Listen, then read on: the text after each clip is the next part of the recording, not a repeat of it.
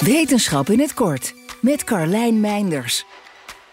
Voor het eerst is op een planeet buiten ons zonnestelsel een daverende stofstorm gezien.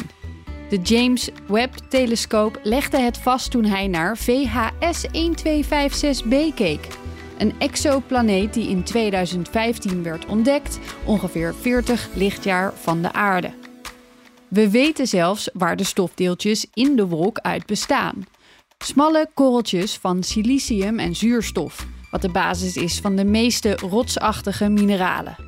De deeltjes zijn een stuk fijner dan zandkorrels. Ze hebben meer weg van de deeltjes in rookwolken.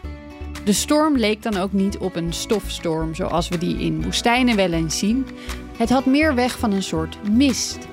Een vrij hete mist ook nog. De wolk kan temperaturen halen die vergelijkbaar zijn met het vlammetje van een kaars, vertelde onderzoeker Beth Biller tegen de BBC.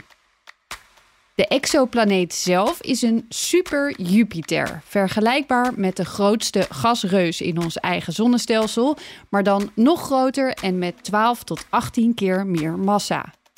De planeet draait rond twee sterren, maar op grote afstand vier keer verder dan Pluto van onze zon staat. De onderzoekers zagen ook dat er in de atmosfeer van de planeet koolstofmonoxide en methaan te vinden is, wat een indicator is voor een hete, turbulente omgeving. Het is niet voor het eerst dat dit soort stofdeeltjes zijn gevonden, maar wel voor het eerst dat ze zijn gezien op een planeet. En het laat voor de zoveelste keer zien hoe goed Webb's instrumenten hun werk kunnen doen. Wil je elke dag een wetenschapsnieuwtje? Abonneer je dan op Wetenschap vandaag. Spotify is partner van Wetenschap vandaag. Luister Wetenschap vandaag terug in al je favoriete podcast-apps.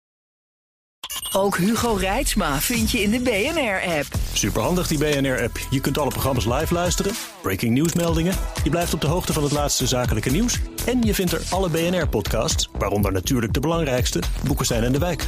Download nu de gratis BNR-app en blijf scherp.